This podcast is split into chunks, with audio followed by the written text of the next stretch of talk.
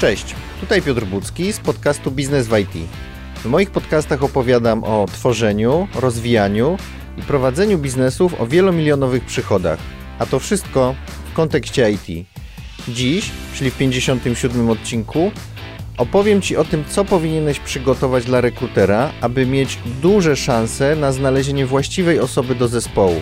Niezależnie jaki to zespół, niezależnie czy rekruter pracuje wewnątrz Twojej firmy, czy może jest zewnętrznym dostawcą.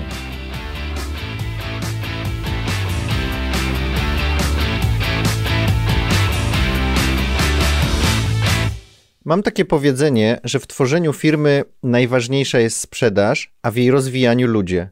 Skąd biorą się ludzie w firmie? No z rekrutacji. Stąd kolejny odcinek w tej tematyce na łamach podcastu Biznes w IT. W 38 odcinku przeszedłem przez cały proces rekrutacji, no i niezależnie, czy robisz go sam, czy może współpracujesz z rekruterem, w trzecim odcinku opowiedziałem o tym, jak być skutecznym w rekrutacji specjalistów IT. Dziś skupię się na tym, co potrzebujesz wiedzieć i co powinieneś zrobić, aby dać maksimum informacji niezbędnych rekruterowi do tego, aby skutecznie zrekrutował ci właściwą osobę do zespołu.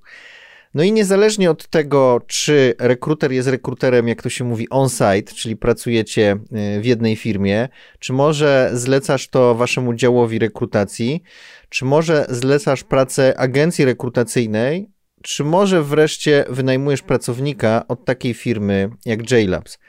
Ten odcinek adresuje do osób, które rekrutują ludzi do swoich zespołów, ale także do rekruterów. Chciałbym ośmielić nieco rekruterów, tak aby dopominali się o swoje od zleceniodawcy. W tym odcinku opowiem Ci też o tym, jak ja się zabieram za przygotowywanie takich materiałów. Jeśli temat rekrutacji zainteresował Cię, to na www.piotrbucki.pl znajdziesz więcej odcinków w tej tematyce. Zapraszam do odwiedzenia strony, zapraszam do zapisu na newsletter, tak aby nie ominęła Cię żadna wartościowa informacja. E, no i zapraszam Cię do zasubskrybowania podcastu w Twojej ulubionej aplikacji do podcastów, tak aby nie ominął Cię żaden nowy odcinek. Do tematu podszedłem niekonwencjonalnie i zastanowiłem się, kto uczestniczy w procesie rekrutacji i jakiej wiedzy potrzebuje. Zrobiłem to tak, aby tak naprawdę ułatwić Ci myślenie, pokazując trzy punkty widzenia.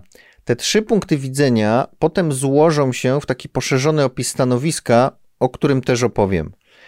Zacznę od y, wcielenia się w kandydata, czyli postawienia się w butach kandydata. No i z perspektywy kandydata, no to to, co kandydat potrzebuje wiedzieć, to jest y, wiedza związana z y, tym, dlaczego ma aplikować y, właśnie na to stanowisko, no a potem powinien mieć poczucie, że zaaplikował na właściwe stanowisko do właściwej firmy. No i z tego wynika, że musisz przygotować takie informacje jak e, finanse. E, jeśli z finansami jest związana premia, no to taką informację też musisz przygotować i dobrze to wszystko opisać, tak żeby nie było żadnych y, niedomówień. Także jeśli się zastanawiasz przy finansach, czy opisałeś dobrze, y, czy nie, to raczej pójdź w tą stronę, żeby opisać aż za dobrze niż za mało. E, jeśli chodzi o benefity pozapłacowe, to te standardowe benefity pozapłacowe moim zdaniem nie są tu jakimś game changerem i nie wiadomo czym, są pewną e, higieną oferty. Jeśli masz jakieś ekstra benefity pozapłacowe, takie, które naprawdę mają e, swoją dość dużą wartość w stosunku do pensji podstawowej czy, czy pensji połączonej z premią, no to warto je też tutaj umieścić.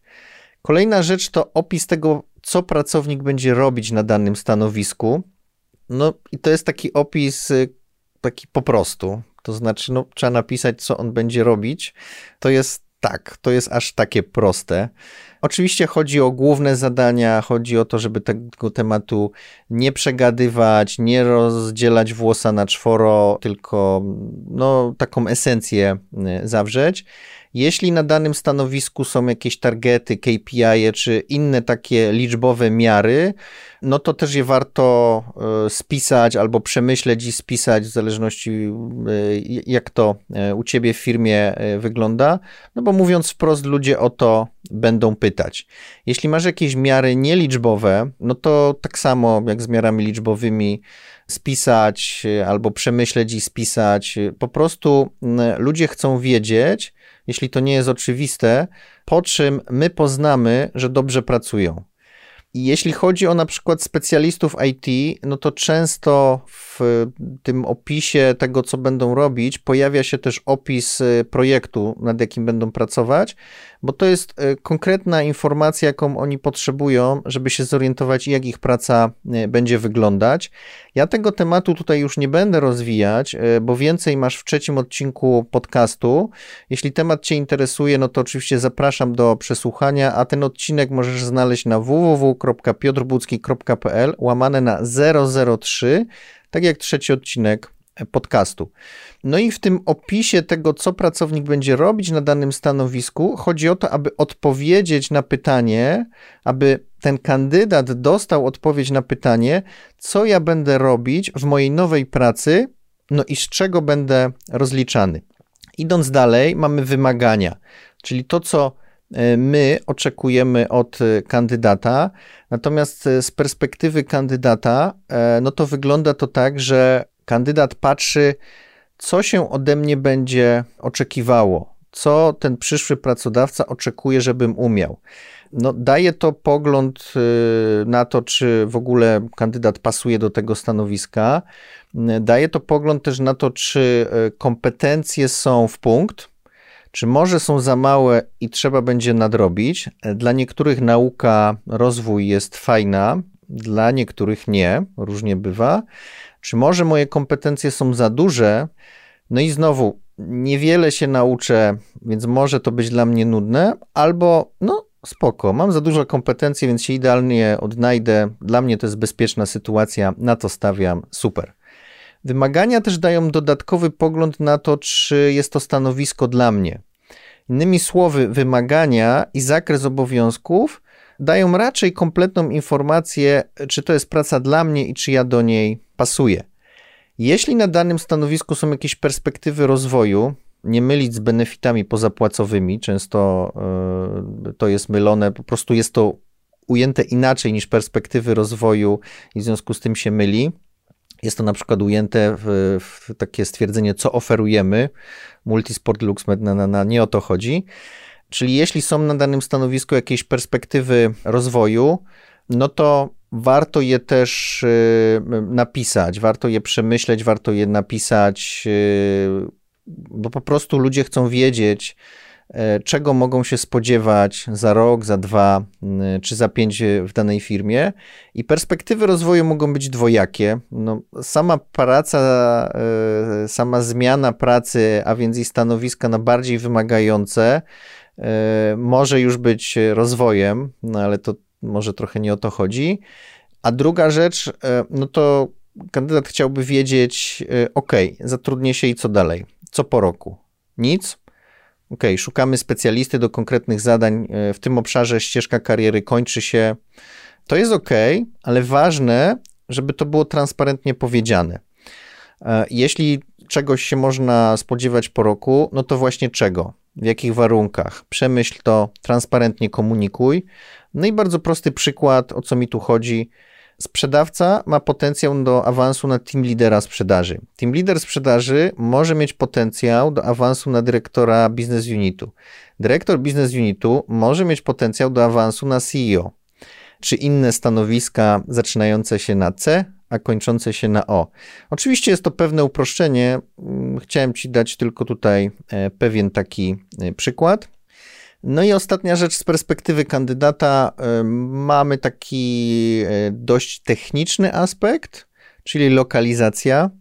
Praca zdalna to też swoistego rodzaju lokalizacja. W lokalizacji mieszczą się też zasady home office'u, czyli ile dni w tygodniu tego home office'u jest. To jest istotna informacja dla kandydata.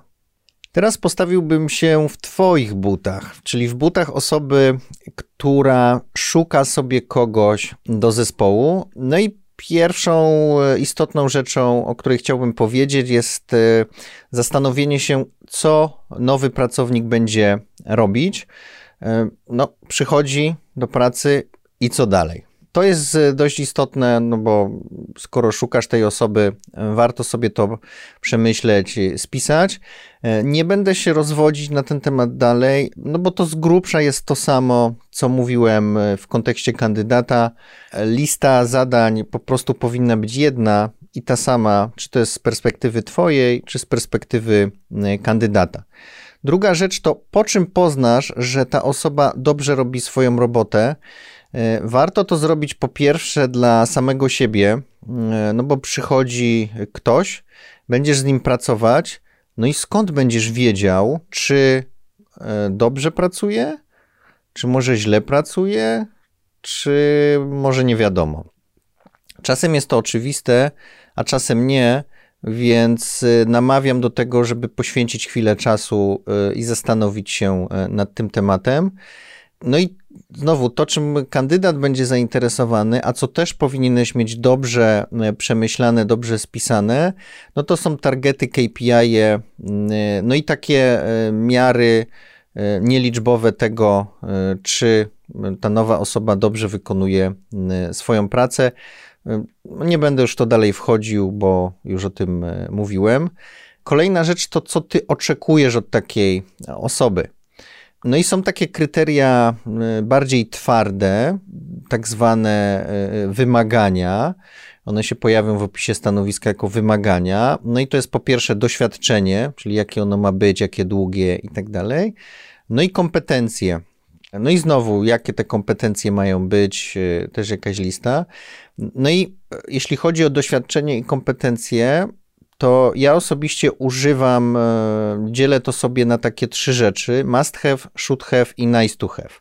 No jeśli chodzi o must have, to są takie wymagania, bez których spełnienia osoba na danym stanowisku sobie po prostu nie poradzi. No i będziesz miał kłopot praktycznie od dnia zero. No niestety czasem się to może nawet y, źle skończyć.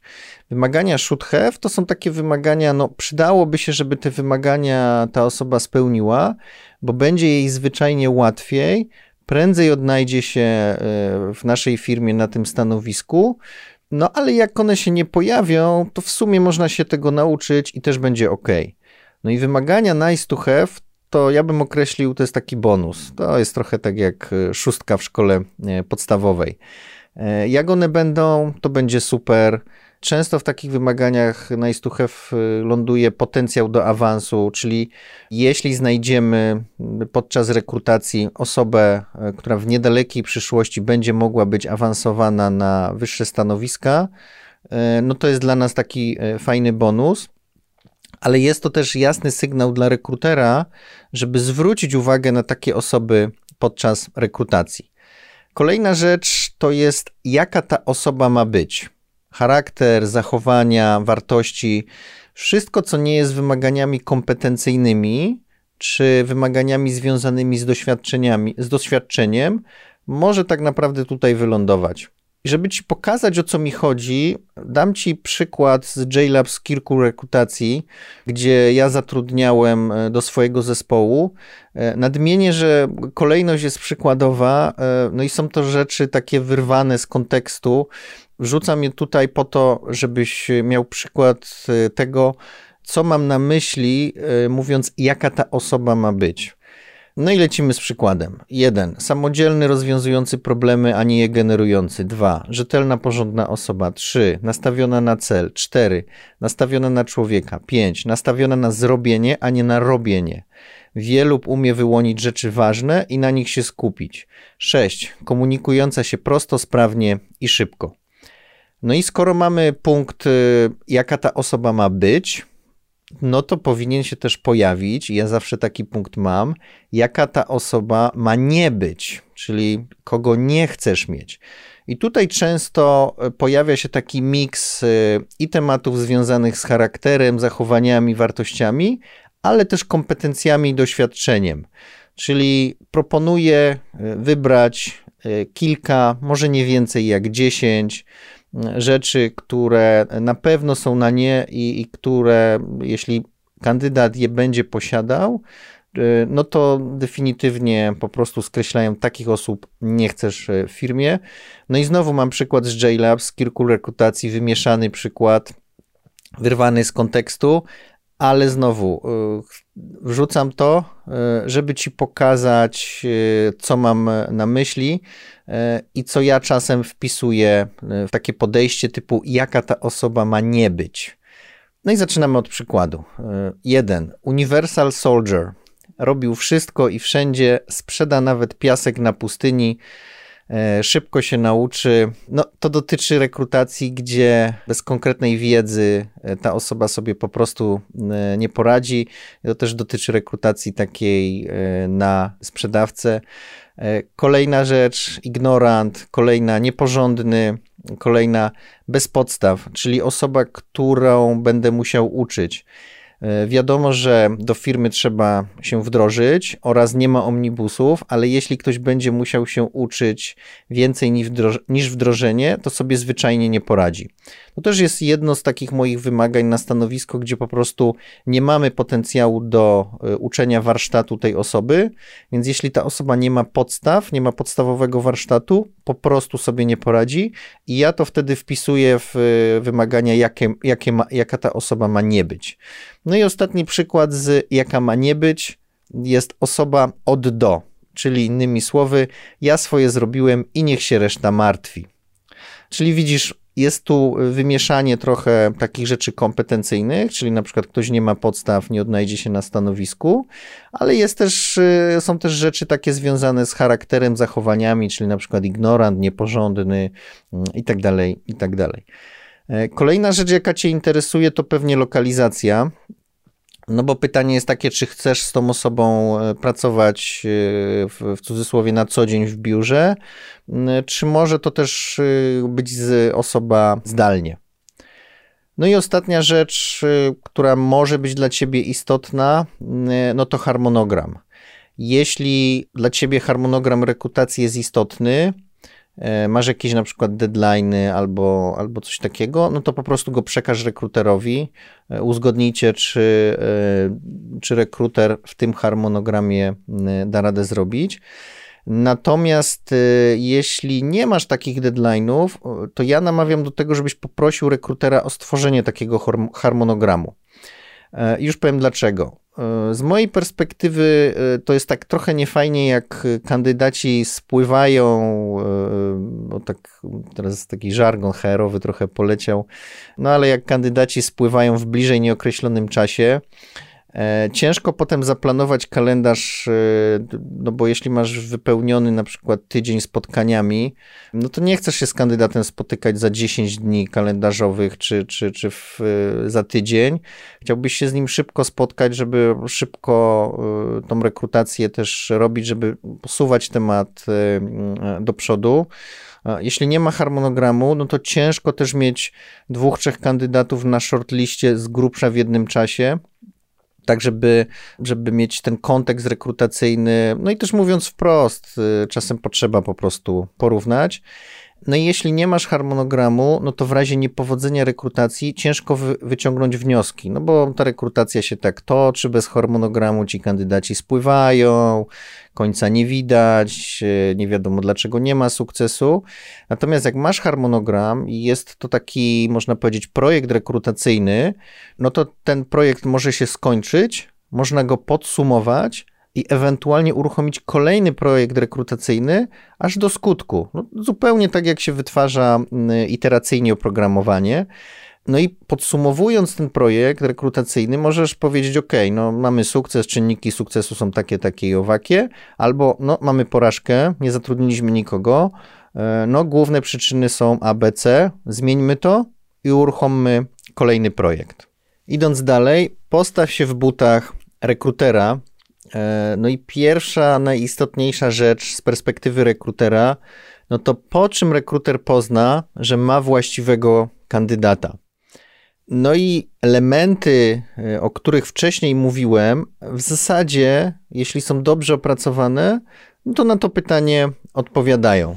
Natomiast jeśli miałbym coś jeszcze mm, dodać, e, no to jest taka rzecz, co firma chce przekazać kandydatowi. Oczywiście są to rzeczy związane z wymaganiami, zakresem obowiązków, finansami, premiami itd., tak itd., tak wszystko o czym mówiłem.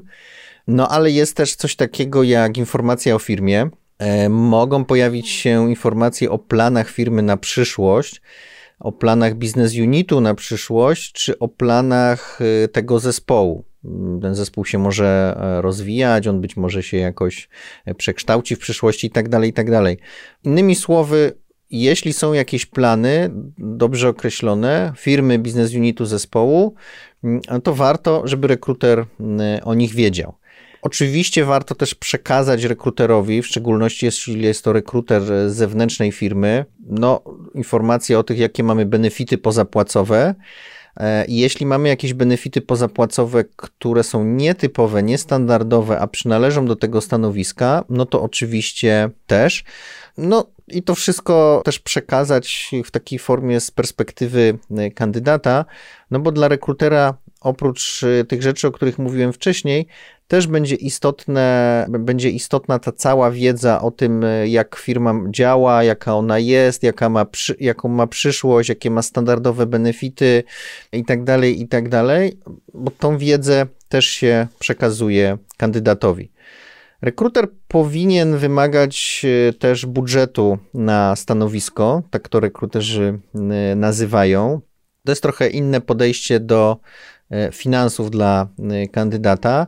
No i tu oczywiście lądują takie rzeczy jak e, widełki, no ale jest też system premiowy. Jeśli on w danym stanowisku jest, no to rekruter powinien dobrze rozumieć, co do szczegółu, jak on działa, tak aby nie zostawiać niedomówień kandydatowi. Czyli już wcześniej o tym mówiłem, że kandydat chce to wiedzieć, będzie o to pytał. No, ty jako zlecający tą rekrutację też y, masz, jakieś, masz jakiś zakres y, finansów, w których się poruszasz. Natomiast rekruter to wszystko y, musi dostać i musi to dobrze zrozumieć, tak aby potem móc precyzyjnie wyjaśnić kandydatowi wszystko co do detalu, bo bywa tak, że pewne niedomówienia, niedoprecyzowania w zakresie finansów, w szczególności w zakresie premii, potem powodują, że ta rekrutacja mm, jest po prostu e, nieudana, albo mm, kandydat ma takie poczucie, że ta premia może jest, może jej nie ma, może ona jest uznaniowa, nie wiadomo, czy się pojawi. W sumie to lepiej pogadać o podstawie, bo ta premia to taka mglista jakaś jest i to wszystko jest takie mgliste, więc namawiam do tego, żeby stanąć w butach tego rekrutera, wcześniej kandydata i, i o tej premii, do tej, przy tej premii, jeśli ona jest na danym stanowisku, to naprawdę to dobrze tak wydefiniować, precyzyjnie opisać, porozmawiać z rekruterem, e, zobaczyć, czy to wszystko, czy, czy oboje rozumiecie to wszystko w ten sam sposób, tak żeby kandydat dostał taką precyzyjną, konkretną informację, którą, e, której może zaufać, która jest godna zaufania. Z perspektywy rekrutera istotna jest lokalizacja. Ona się tu znowu pojawia, e, ale w nieco innej osłonie, odsłonie. No, mamy tutaj, gdzie ten kandydat będzie głównie pracować. E, oczywiście może też być praca zdalna. Zasady home office'u, ale dodatkową rzeczą, jaka się pojawia, to relokacja. Czyli czy w to w ogóle wchodzimy, czy nas to interesuje, żeby mieć zrelokowanych pracowników? Czasem tak, czasem nie. Tu mogą być różne powody mm, biznesowe w tym. E, przykładowo, może być istotne z perspektywy rekrutowania sprzedawcy, aby sprzedawca e, miał już pewną sieć kontaktów e, w danym rejonie geograficznym i wtedy relokacja wniesie pewne ryzyka do Y, może nie rekrutacji jako takiej, ale do późniejszej współpracy, więc to też jest istotny aspekt w mm, precyzowaniu lokalizacji. No i jeśli w firmie mamy jakiś pakiet na relokację, no to warto też te informacje rekruterowi przekazać. Z perspektywy rekrutera istotne jest też tak zwany candidate experience, czyli doświadczenie kandydata podczas rekrutacji.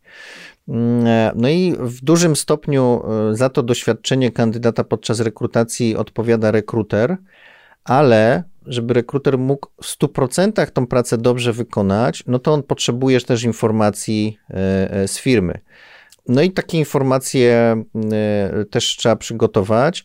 Z mojego doświadczenia wynika, że po prostu jeśli dobrze przygotujemy ten rozszerzony opis stanowiska, o którym dzisiaj mówię, e, dobrze się skomunikujemy z rekruterem i jest to zrozumienie, to ten candidate experience e, jest dobry i w sumie to tylko zależy od tego, jak dobrze rekruter wykonuje swoją pracę, no bo komplet informacji dostał.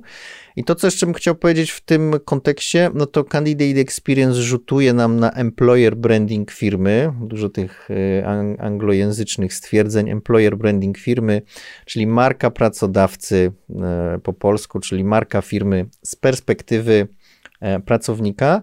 No i Candidate Experience rzutuje też na nazwisko rekrutera. Więc drodzy rekruterzy, nie dajcie się e, byle czym zbyć od osób, które z wam zlecają tą rekrutację. Podsumowując ten temat, zastanów się, czy rekruter dostał wszystko, co jest mu niezbędne, aby ten candidate experience był na odpowiednim poziomie. Kolejna rzecz z perspektywy rekrutera, pytanie, czy masz jakieś wskazówki do rekrutera, czy są jakieś elementy, o których jeszcze tutaj dzisiaj nie mówiłem, a chciałbyś je wprost rekruterowi przekazać, bo są dla ciebie istotne? Z takich elementów y, mogą być pewne wymagania od samego procesu rekrutacji. Jeśli takie wymagania są, przekaż je rekruterowi. Przykład takich wymagań to harmonogram, o którym już mówiłem. Innym ciekawym, taki, tak, taką ciekawą wskazówką e, dla rekrutera to jest taka wskazówka, dla kogo ta e, oferta będzie dobra, czyli kto po przyjęciu tej oferty pracy zyska. E, jest to mocna wskazówka dla rekrutera, gdzie szukać kandydatów, no bo w zakresie motywacji jeśli mamy osobę, e, która spełnia to kryterium, e, no to teoretycznie powinien być to znowu w zakresie motywacji idealny kandydat. W części rekrutacji to wprost widać, natomiast w części rekrutacji nie. Warto nad tym pomyśleć, zapisać, no i przekazać rekruterowi.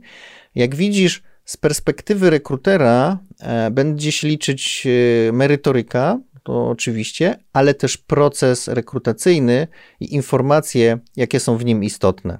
Te trzy punkty widzenia czas teraz podsumować, zreasumować, no i ujednolicić w jeden dokument, no tak, aby spisać e, te wszystkie wymagania. E, no i po ujednoliceniu tych trzech punktów widzenia, mnie wyszedł 11-punktowy dokument, który zawiera jeden co nowy pracownik będzie robić? 2. Co powinien umieć w wersji must have, should have, nice to have? 3. Jaki ma być? 4. Jaki ma nie być? 5. Dla kogo to dobra oferta, czyli kto po przyjęciu tej oferty pracy zyska? 6. Co oferujemy, ale nie chodzi o benefity pozapłacowe, tylko o rozwój zawodowy. 7. Lokalizacja, 8. Finanse, łącznie z systemem premiowym, jeśli jest. 9. Wskazówki dla rekrutera. 10. Wymagania od rekrutera. 11. Informacje o firmie, biznes unicie, zespole, w którym kandydat będzie pracował. Ja tą checklistę zamieszczę też na www.piotrbucki.pl łamane na 057, tak jak 57 odcinek podcastu tak abyś mógł z niej skorzystać przy opracowaniu własnego stanowiska, własnego opisu stanowiska podczas jakiejś rekrutacji. No bo wydaje mi się, że jest to taki dobry zaczyn do rozpoczęcia pracy nad opisem stanowiska. Przejdę teraz do przykładu, jak ja to robię, czyli jak ja tworzę takie opisy stanowiska. Kontekst jest taki, że opowiem Ci o roli, jaką ostatnio definiowałem, czyli o osobie, jaką szukam w tej chwili do zespołu. No i jest to lider oddziału przychodowego, który będzie pracować bezpośrednio z zarządem, czyli między innymi ze mną. Nawiasem mówiąc, jeśli chciałbyś aplikować na to stanowisko, no to śledź nas, nasze sociale albo mój profil na pewno będziemy aktywni e, w tym temacie. Być może w dniu publikacji tego odcinka nawet coś już było w tym temacie. Tworząc ten opis stanowiska, przeszedłem e, według tego, co opowiedziałem przed chwilą. Warto, e, żebym zwrócił Twoją uwagę na jedną rzecz. Mianowicie, mnie stworzenie takiego opisu stanowiska zajęło prawdopodobnie około 5 godzin na pomyślenie, spisanie, przejrzenie i redakcję. Zwracam na to uwagę, że mimo tego, że mam w tym temacie doświadczenie, mimo tego, że mam w tym temacie pewną wprawę, to i tak mi zajęło to dużo czasu. Dlaczego? No bo jest to rzecz nietrywialna, jest to rzecz ważna z perspektywy y, firmy, no i naprawdę warto się do niej dobrze przyłożyć. Jeśli chodzi o sam proces, to jest to proces, który też wykorzystuję do, do innych rzeczy, na przykład do opracowywania odcinków podcastu. E, ja z reguły zaczynam od e, spisywania luźnych przemyśleń. E, używam do tego notatnika w komputerze, robię taki, jak ja to mówię, zrzut mózgu, czyli co mi przyjdzie do głowy w tym temacie, to po prostu wpisuję tak punkt po punkcie, bez kategoryzowania, bez zastanawiania się nad sensownością, po prostu wpisuję. Jest taka trochę chyba osobista burza mózgów. Spisując te rzeczy, czasem staję intencjonalnie e, w butach tych osób, o których mówiłem, czasem staję w butach tych osób nieintencjonalnie, nieświadomie to robię, po prostu co mi przychodzi do głowy, to spisuję. E, odkładam to na jakiś czas, czasem jeszcze w międzyczasie coś tam e, donotuję, jak mi w tak zwanym biegu pod prysznicem, czy gdziekolwiek przyjdzie do głowy, to coś tam jeszcze donotuję. E, no a potem siadam e, do tego, żeby to poukładać, czyli tak skrystalizować. No i poukładałem to też w takie elementy, o których już mówiłem, czyli co nowy pracownik będzie robić, co powinien umieć e, i skorzystałem tutaj z tej wersji must have, should have, nice to have, jaki ma być, jaki ma nie być, dla kogo to jest dobra oferta? Zastanowiłem się, kto po przyjęciu tej oferty pracy, po rozpoczęciu tej pracy, po nabraniu jakiegoś doświadczenia w związku z obowiązkami, po prostu zyska. Zastanowiłem się, co oferujemy w zakresie rozwoju zawodowego. Wybrałem lokalizację, wybrałem też finanse. I tutaj taka ciekawostka, musiałem trochę pomyśleć i policzyć też e, w zakresie premii. Mm, no bo ta osoba, mm, tak patrząc na kalendarz, to, to z grubsza powinna się spodziewać jakiejś premii za rok 2021. No i trzeba było tak na oko choćby wyliczyć, bo u nas się te premie wyliczają zgodnie z regułami matematycznymi, ale tak ogólnie wyliczyć, e, no jakiej tej premii, mm, tak e, more less, jak to się mówi, może się spodziewać za rok 2021, ale też jakiej premii może się spodziewać docelowo, gdy ten biznes unit przychodowy rozwinie się, urośnie. Spisałem też wskazówki dla rekrutera, e, Spisałem też wymagania od rekrutera i jednym z takich wymagań był harmonogram działań, e, gdyż chciałbym, żeby ta rekrutacja toczyła się w takim, taki sposób iteracyjny, tak żeby móc zaplanować kalendarz, y, móc sobie tą rekrutację podsumować i tak dalej. No to wszystko, o czym y, mówiłem. Jednej rzeczy, której z tej checklisty nie zrobiłem, to jest o firmie, biznes unicie, zespole. Nie zrobiłem tego dlatego, że y, rekrutuję z wewnętrznym działem rekrutacji, z jedną z rekruterek. Te informacje są u nas dostępne tak po prostu i nie widziałem potrzeby ich e, jakiegoś takiego szczególnego e, spisywania. Natomiast wydaje mi się też, że jeśli będą jakieś super detale, na które nie zwróciłem uwagę, to po prostu e, zostanę zapytany. No i w ten sposób powstał ten taki poszerzony opis stanowiska.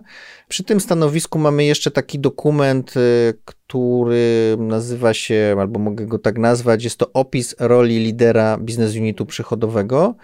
No i w tym dokumencie wychodzimy od celu i sensu istnienia lidera biznes unitu przychodowego, od takiej misji tego stanowiska, a potem przechodzimy e, do szczegółów e, takiej, można powiedzieć, e, codziennej pracy, ale w wersji takiej, jeśli chodzi o ideę tego, co powinien robić i jak to powinien robić. To, to nie są procesy, to nie są detale, tylko taki, można powiedzieć, opis właśnie stanowiska dla kogoś, kto jest tym y, liderem biznes unitu przychodowego, tak żeby wiedział, no, co jest celem i sensem istnienia tej roli.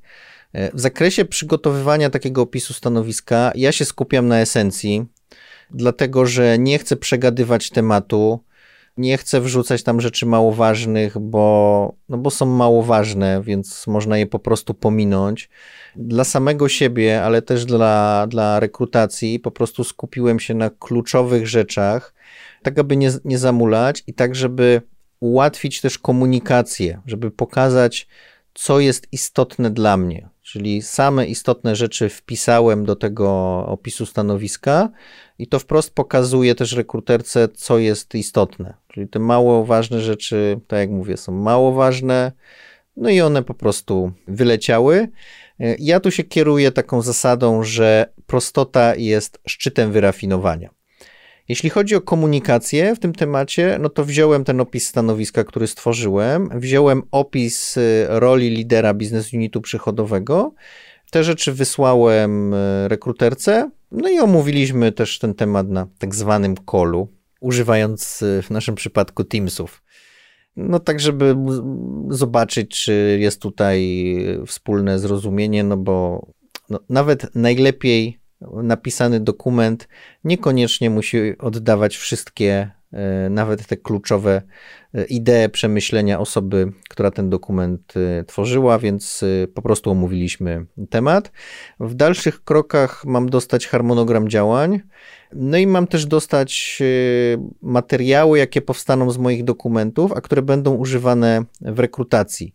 Raczej nie do zatwierdzenia, bo, bo nie, nie ja jestem rekruterem i to, to nie jest moja ekspertyza, ale raczej do takiej wspólnej pracy, czy to, co ja mam w głowie, to, co ja przełożyłem na opis stanowiska, to dalej się spropagowało w tych dokumentach i czy dokładamy należytej staranności, żeby kandydat też to tak e, odebrał. Czyli nie do zaakceptowania, ale raczej do wspólnej pracy i sprawdzenia, czy się dobrze tutaj e, rozumiemy. Ja ten przykład tutaj zakończę, no bo nie chcę podawać całego przykładu o tym, e, jak ten proces rekrutacyjny dalej będzie mm, wyglądał. Chciałem Ci tylko pokazać w zakresie tego opisu stanowiska, no jak ja to e, po prostu robię. Podsumowując, zbierz informacje z perspektywy kandydata swojej i rekrutera. Spisz to w jeden dokument. Oczekuj od rekrutera asertywności i pytania o informacje, jeśli ich brakuje.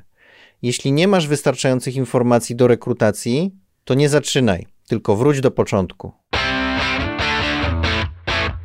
Jeśli odcinek podobał Ci się, to zostaw recenzję, daj łapkę w górę, czy po prostu podziel się ze znajomymi.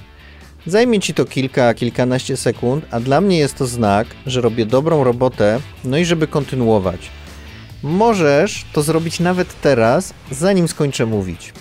Ten odcinek, notatka, linki i transkrypt jest dostępny pod www.piotrbucki.pl łamane na 057, tak jak 57 odcinek podcastu. Na mojej stronie znajdziesz również pozostałe odcinki, transkrypty do nich, możliwość zapisu na newsletter. Jestem obecny w social media, więc zapraszam Cię na fanpage podcastu czy do znajomych. Dziękuję, że ze mną dotarłeś do tego miejsca, czyli końca. Pozdrawiam Cię serdecznie, do usłyszenia i działaj mądrze.